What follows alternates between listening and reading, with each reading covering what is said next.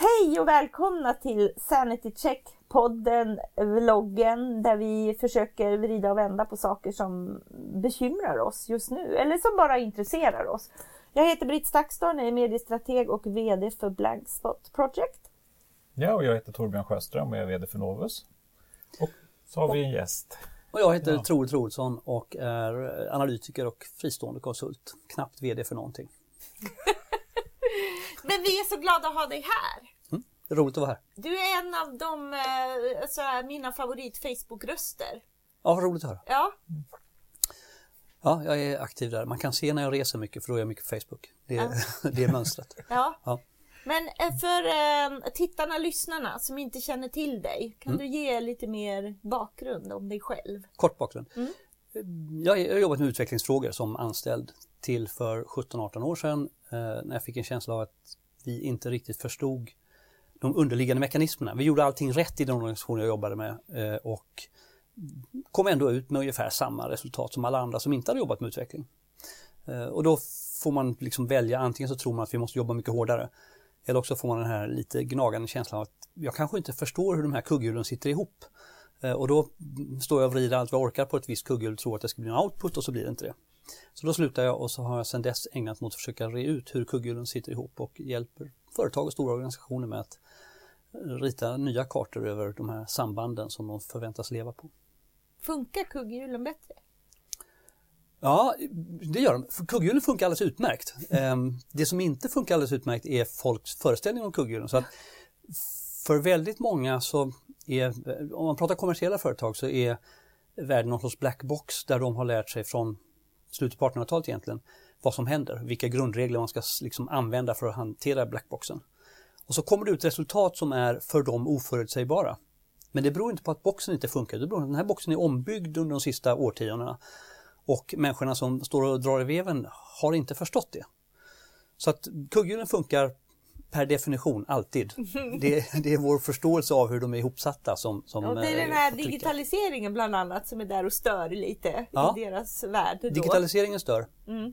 Och digitaliseringen är, är, slutpunkten kanske på en, en historia som handlar om eh, informationslikviditet, alltså att göra information likvid. Likvid är ett bra ord för att om man läser en deckare så vet man att likvidera betyder döda. Eh, och eh, det som, det som händer när man gör information likvid, och det börjar med, med, med dagstidningar egentligen och så småningom skolsystem och bildningsförbund och så. Blir information tillräckligt flytande så blir den också död i betydelsen ganska värdelös. Vare sig det är patent eller det är utbildningsnivåer eller det är artiklar i tidningar. Så informationslikvideringen, och den, den, den fick sin sista dödsstöt med digitalisering, men den började med snällpressen och folkbiblioteken och bildningsförbunden. Och tv såklart. Så hur gör du för att väcka lust för digitaliseringen då? Att se det som högst eh, naturlig utveckling på något sätt? Det, det, gör jag nog inte. Utan jag jobbar nog med de som, som har lust. Jag, jag, är inte missionär i betydelsen Gud vad du är tråkig, kom hit ska jag berätta för dig hur kul du kommer bli. Utan de som är tråkiga får sitta och vara tråkiga i sina hörn mm. själv. Faktiskt. Det låter härligt. Ja men verkligen. Fast å andra sidan det är också roligt och det känns som att vi, vi gör lite lik, liknande saker. Vi försöker förstå hur kugghjulen faktiskt hänger ihop. Mm. Det...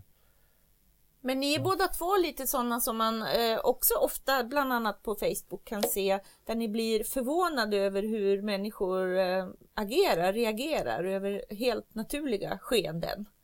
Eh, ja. Eller hur? Du hade någon riktig eh, dagsaktuell dagsaktuellt exempel? Eh, att, att, alla system som, som, där det blir trångt kommer att få se någon som fuskar.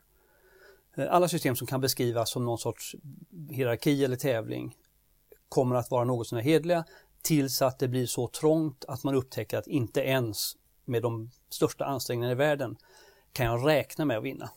Om jag är cyklist där det inte finns så många cyklister så kan jag tänka om jag tränar jättemycket får jag guldmedalj. Om jag är i en värld där det statistiskt sett finns 200 människor som alla kan vinna touren om de har en bra dag.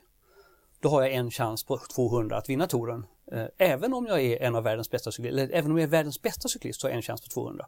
Touren går en gång om året, jag kan inte cykla mer än 10. Jag har alltså tränat i hela mitt liv och kommer med stor säkerhet inte att vinna ett skit någonsin. Någon av de 200 kommer i det läget att fundera på om man inte ska bättra på oddsen lite.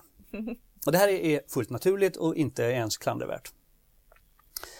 När det sen sprider sig till icke-sportsystem som till exempel till högskoleprovet och nationella prov eller till tändsystem i bilar eller till eh, byggandet av kommunala arenor eller vad det nu kan vara där exakt samma mekanismer gäller. Då blir vi jätteförvånade, eller jag blir inte förvånad, men, men mm. då beter sig världen som att nej men det är inte klokt, kan man göra så? Mm. Kan forskare fuska för att få anslag? Ja, så det kan de om det finns 200 forskare och 12 anslag så kommer de att göra det. Det är förutsägbart. Um, det är också förutsägbart, precis som idrotten, att vi kommer inte att vinna den kampen.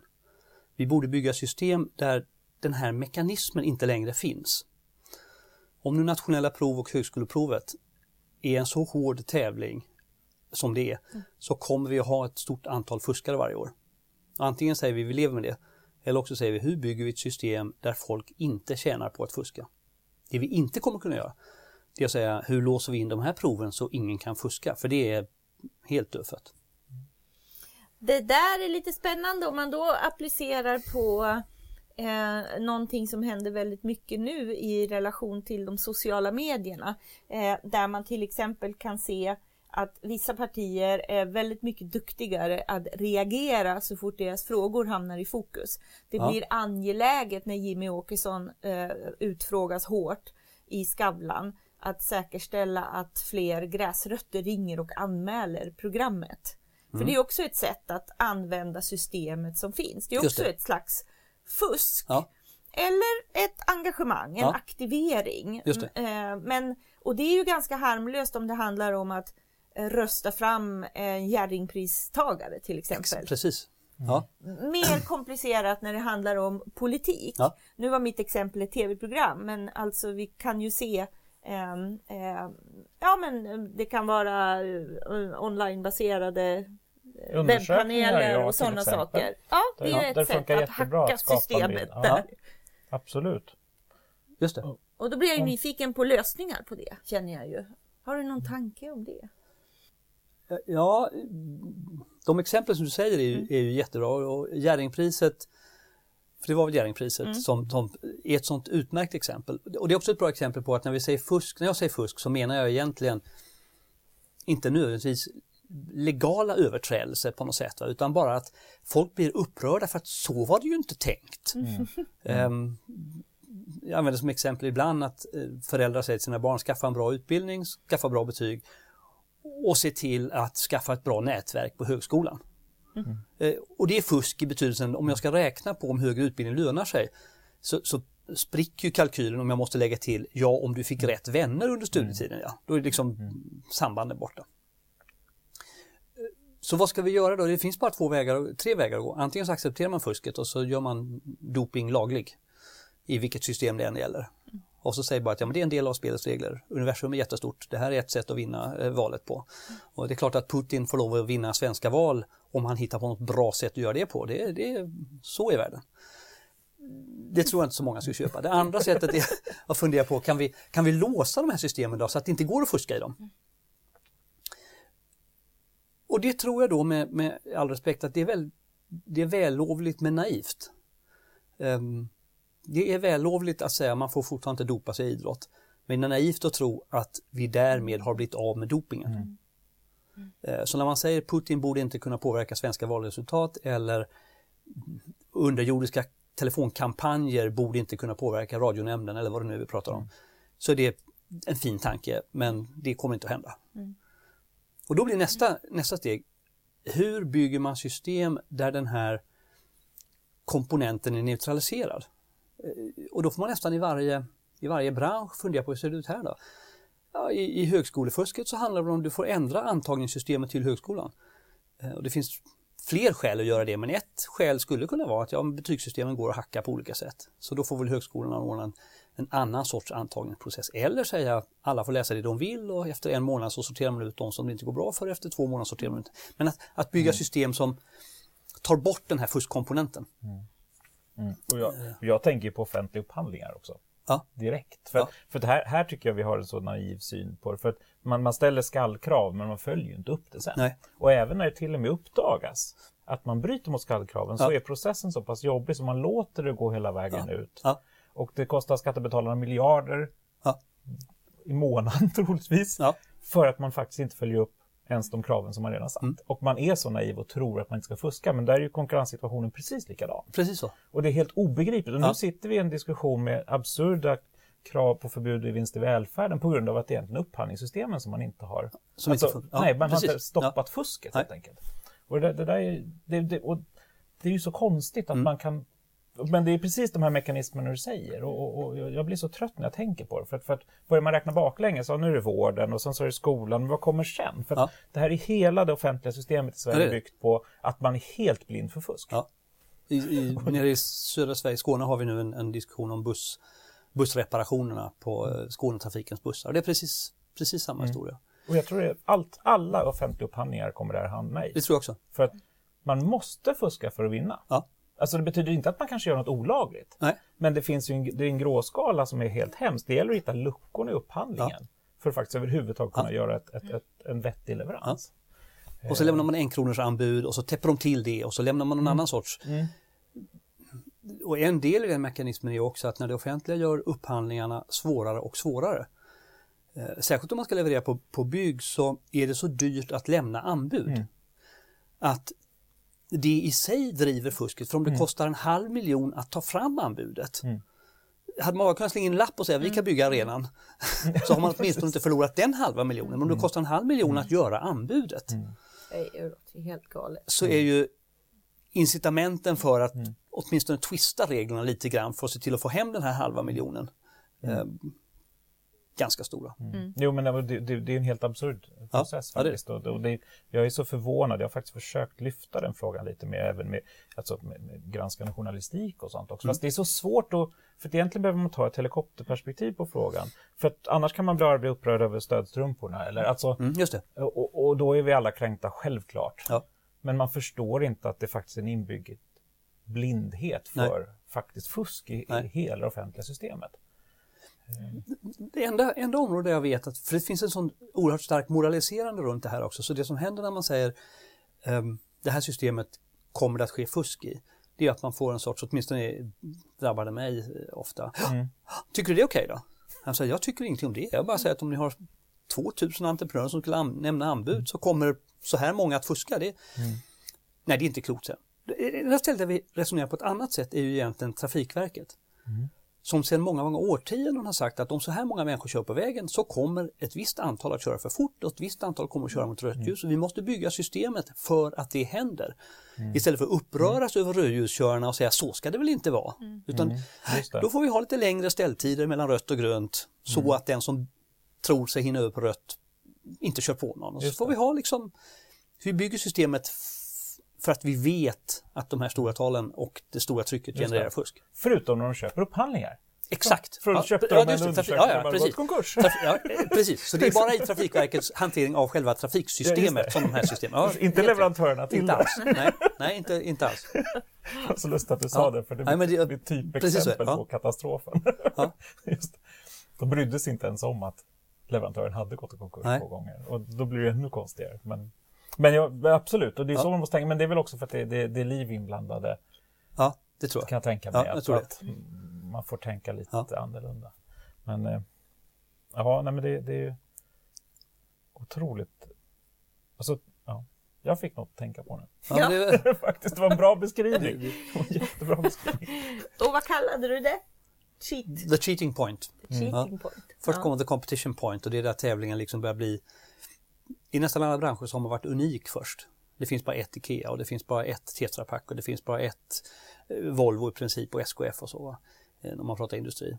Eh, Och sen så kommer världen ikapp alla de här systemen.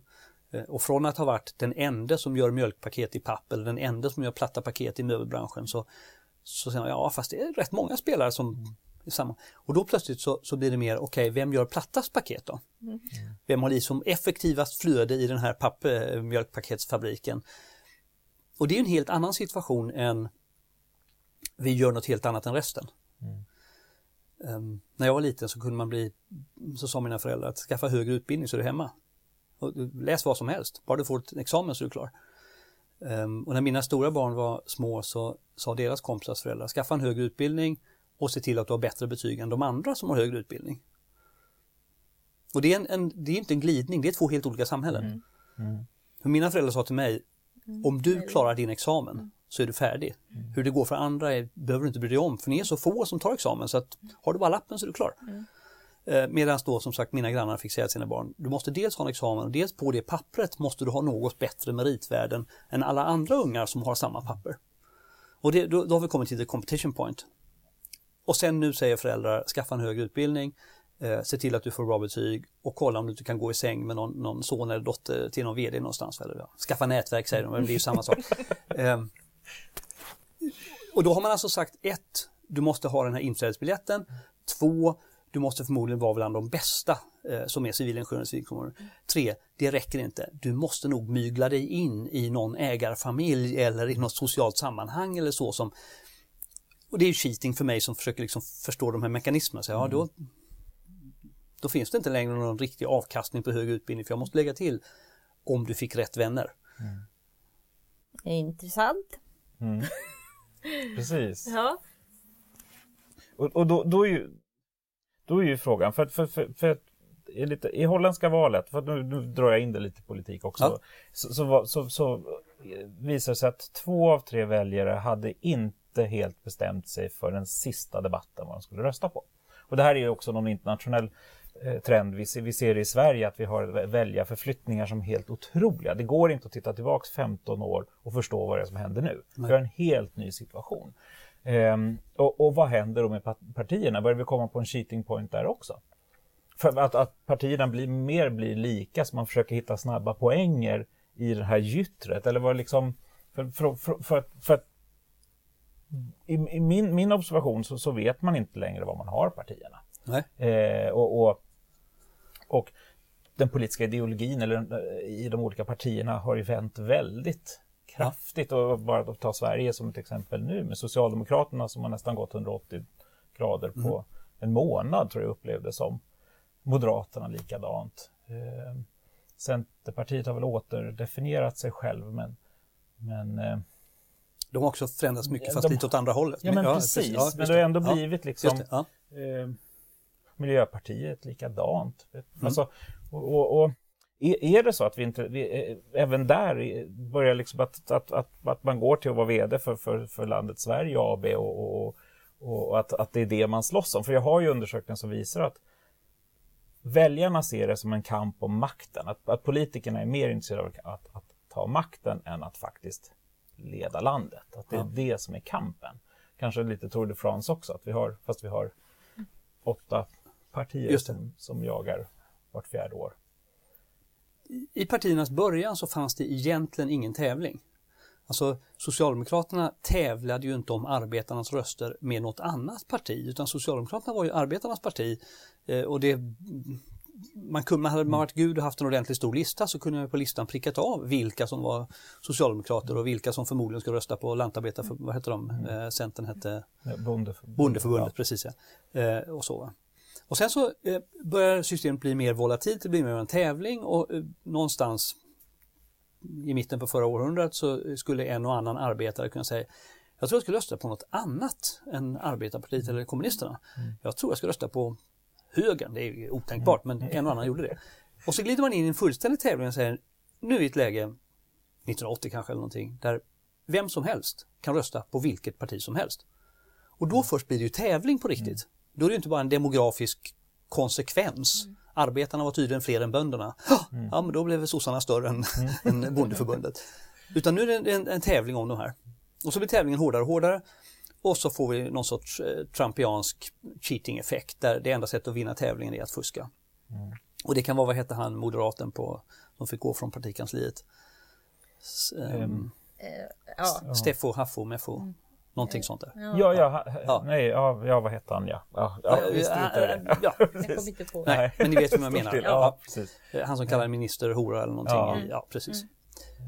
Precis. Och, och de här konstiga underströmmarna på, på Twitter som väl hoppas jag vem som helst med lite vett skulle säga, fast det där är cheating. Alltså det ni gör när ni viglar upp någon sorts konstig, ja det är inte mina väljare, nej men de blir väldigt glada när du skriver. Um, historia är cheating.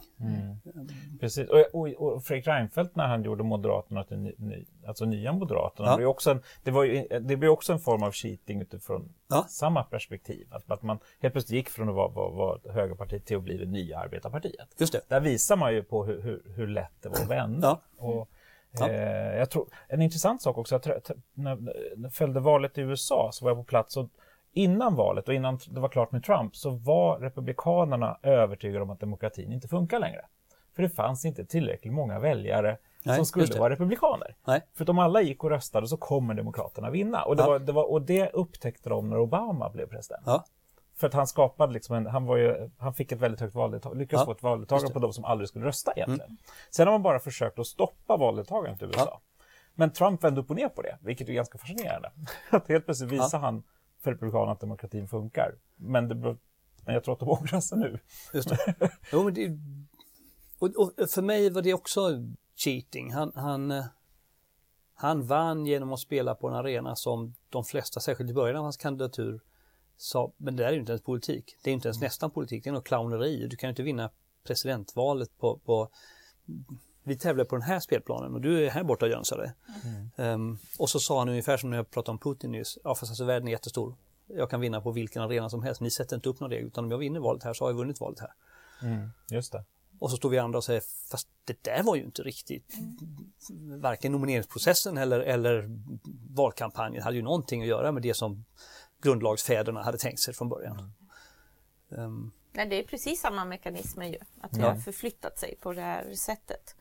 Men eh, om du, vad, vad tror du om valrörelsen eh, 2018? Hur kommer, hur kommer den bli? Kommer man tro att man måste bete sig som Trump? Hur kommer man kunna mota det? Ja, det tror jag. För jag, jag tror att så småningom så får vi någon uppstädning i det där. Alltså ett, ett, men inte innan 2018 för det, det skulle kräva ett, att vi jobbar med systemet lite grann. Och systemet 2018 kommer förmodligen att se ut precis som det gjorde eh, nu sist. Eller förmodligen, det kommer att göra det. Eh, Och den som vinner det kommer vara den som fuskar bäst. Ehm, Det är rubriken på det här Ja, avsnittet. ja, Ja, faktiskt. tänker jag mig. Ja, Ja. Ja. Ja, å andra sidan i politiken, den kontrollinstansen som, som finns där är ju, är ju massmedia. Det är, det är, ju- vi som väljare har ingen chans under tiden att bevaka, bevaka det. Och, och, och där har ju faktiskt fokus förändrats också. Vilket gör att det är mycket lättare och det vilket Trump visar också. Att eh, istället för att vara en granskande part så var det ju en plattform att stå på. Det, det var ju Ja. hans arena Ja. för att nå ut Just det. omedelbart.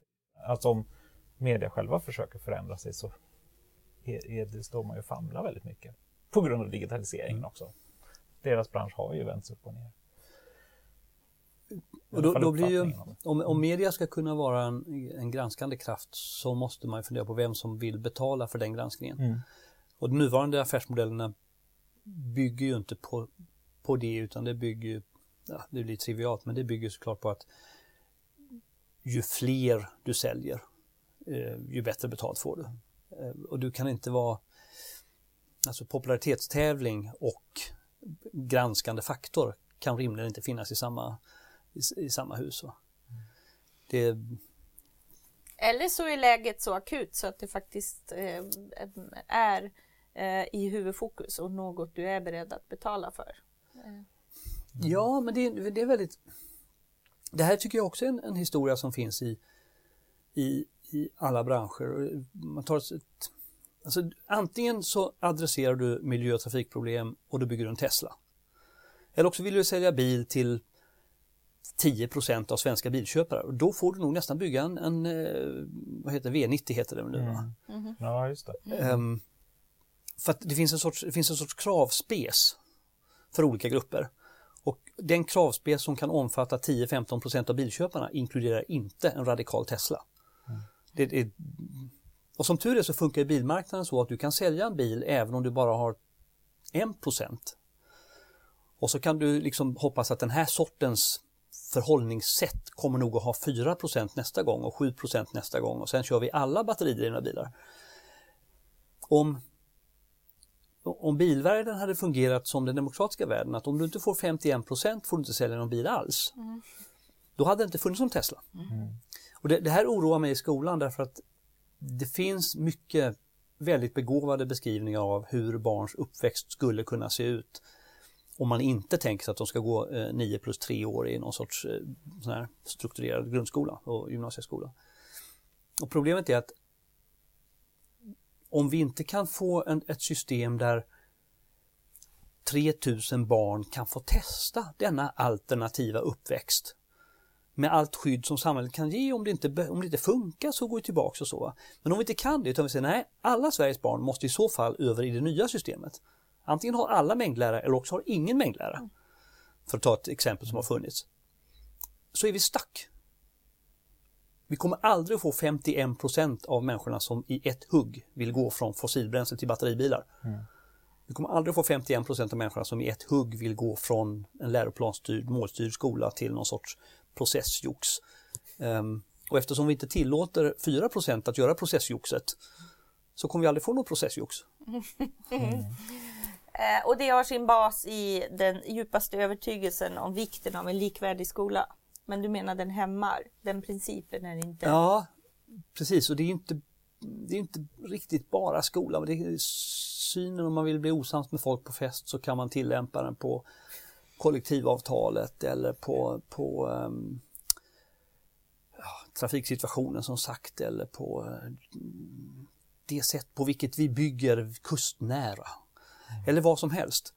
Uh, och så fort vi kommer in i den, den politiska parlamentariska delen av mekanismen så finns det nästan alltid någon sorts fundament som säger alla eller ingen.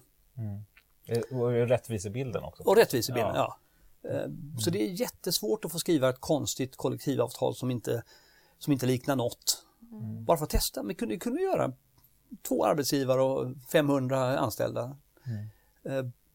Och så, vet ni, och så kommer fackliga företrädare säga, ja men det får man. Jo, fast i verkligheten är det ändå inte så. Utan verkligheten är så att om det kommer en ny komponent i kollektivavtalet, då kommer det för alla Sveriges anställda vid ungefär samma tidpunkt. Mm. Eller också har ingen det. Mm.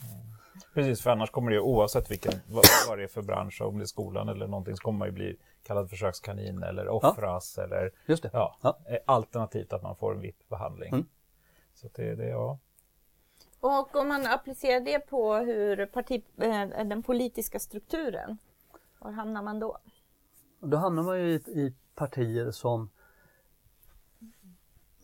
man kan högakta Centern men när det, när det kommer till bottom line så är det ändå så att den som inte tror sig om att kunna ingå i ett underlag som samlar ihop 51 procent av befolkningen har en meningslös politik. Det är inte riktigt sant för man kan stå och ropa och påverka folk genom att stå och ropa. Um, vilket ju Miljöpartiet länge faktiskt tyckte att de gjorde och gjorde i viss utsträckning också. Och, och, men av de partier som vill vara med och bestämma så är ändå frågan hur kommer jag in i ett sammanhang som har 51 procent av rösterna? Överordnad nästan vilken politisk fråga som helst. För gör jag inte det så är det mm. Just det. Men och, och, hur påverkar det väljarna sen? För det är där vi hamnar i nästa steg och det är väl den, det är väl den kampen vi, vi också ser. För, att här, för nu pratar vi om vem, vem bygger en majoritet och hur, alltså mm. spelteorin ja. är liksom det som blir fokus hos politiken. Ja. Medan väljaren förväntar sig inte det av politikerna egentligen. Nej, det gör de ja. nog inte. Fast media förstärker ofta bilden genom att envist avkräva svar av typen kommer ni att samarbeta med de här efter valet? Mm. Um, och politikerna försöker ganska heligt ibland säga ja det får vi väl se när vi har fått siffrorna. Uh, men och då tror jag att media inte speglar väljarnas frågor egentligen för, för journalisten beter sig som om väljaren kräver att få veta. Tänker ni bilda regering ihop med de här? Mm. Och jag är inte, precis som du säger, jag är inte alls säker på att väljaren kräver att få veta det. Nej, man vill veta. För jag har ju, det här ja. har jag kollat. Ja. Det vore bra att veta, för att om du, om du ska rösta på ett parti så vill du att det partiets politik går igenom. Så ja. det är därför det är intressant. Men det är mycket viktigare, om jag måste välja, så är det viktigare att jag får igenom det partiets politik som jag röstar på än vem jag får det igenom med, så med, länge man ja. inte gör ett avsteg mot en värdering. Ja. Och, och den här krocken som man inte lyckas beskriva i det publika rummet, Nej. och det är den man inte kommer förbi i den, i den politiska debatten. Så, att, och, så där är du inne på, det, på, på, precis det här att, man, man missar lite, det blir mer spelteori och lite måluppfyllnad. Ja. Och det går ju att tänka sig ett system där eh, man har säkert någon tröskel, men alla partier som är större än 2 eh, hamnar i riksdagen. Och sen får man fördela så stor del av statsbudgeten, och vi säger att det är det största beslut man har, som mandaten räcker till. Så har man fått 5% så får man 5% av statsbudgeten och så får du lägga ut dina chipsmarker som du vill. Vill du lägga alltihop på äldreomsorg så gör det. Förmodligen kommer det att straffa dig nästa val. Eh, men det är ju sannolikare att du i så fall säger nej, allt på äldreomsorg vill vi inte, men vi kommer att lägga mer på äldreomsorg. Och så får man en då, då, då blev det ju meningsfullt för ett parti att fortsätta hävda sina frågor även om man bara fick 13 procent i valet. Mm. För då fick jag ändå 13 procent av statsbudgeten mm. som jag kunde gå till mina väljare och säga, vad vill ni göra med det här då? Mm. Ja, inget försvar, nej men då så, då tar vi bort försvaret i vår del. Mm. Och, så, och så blir kontentan av det här en statsbudget med mindre försvar därför att de här människorna vill inte ha något försvar alls. Mm. Och så kan andra fundera på, ja då får vi kanske pytsa in mer då. Ja, gör det, fine. Då får ni väl göra upp med era väljare varför ni eftersatte järnvägsunderhållet för att köpa JAS-plan eller någonting. Mm. Är vi på väg dit, menar du? Jag kan tänka mig att när man, när man skissar på olika... Eller så här.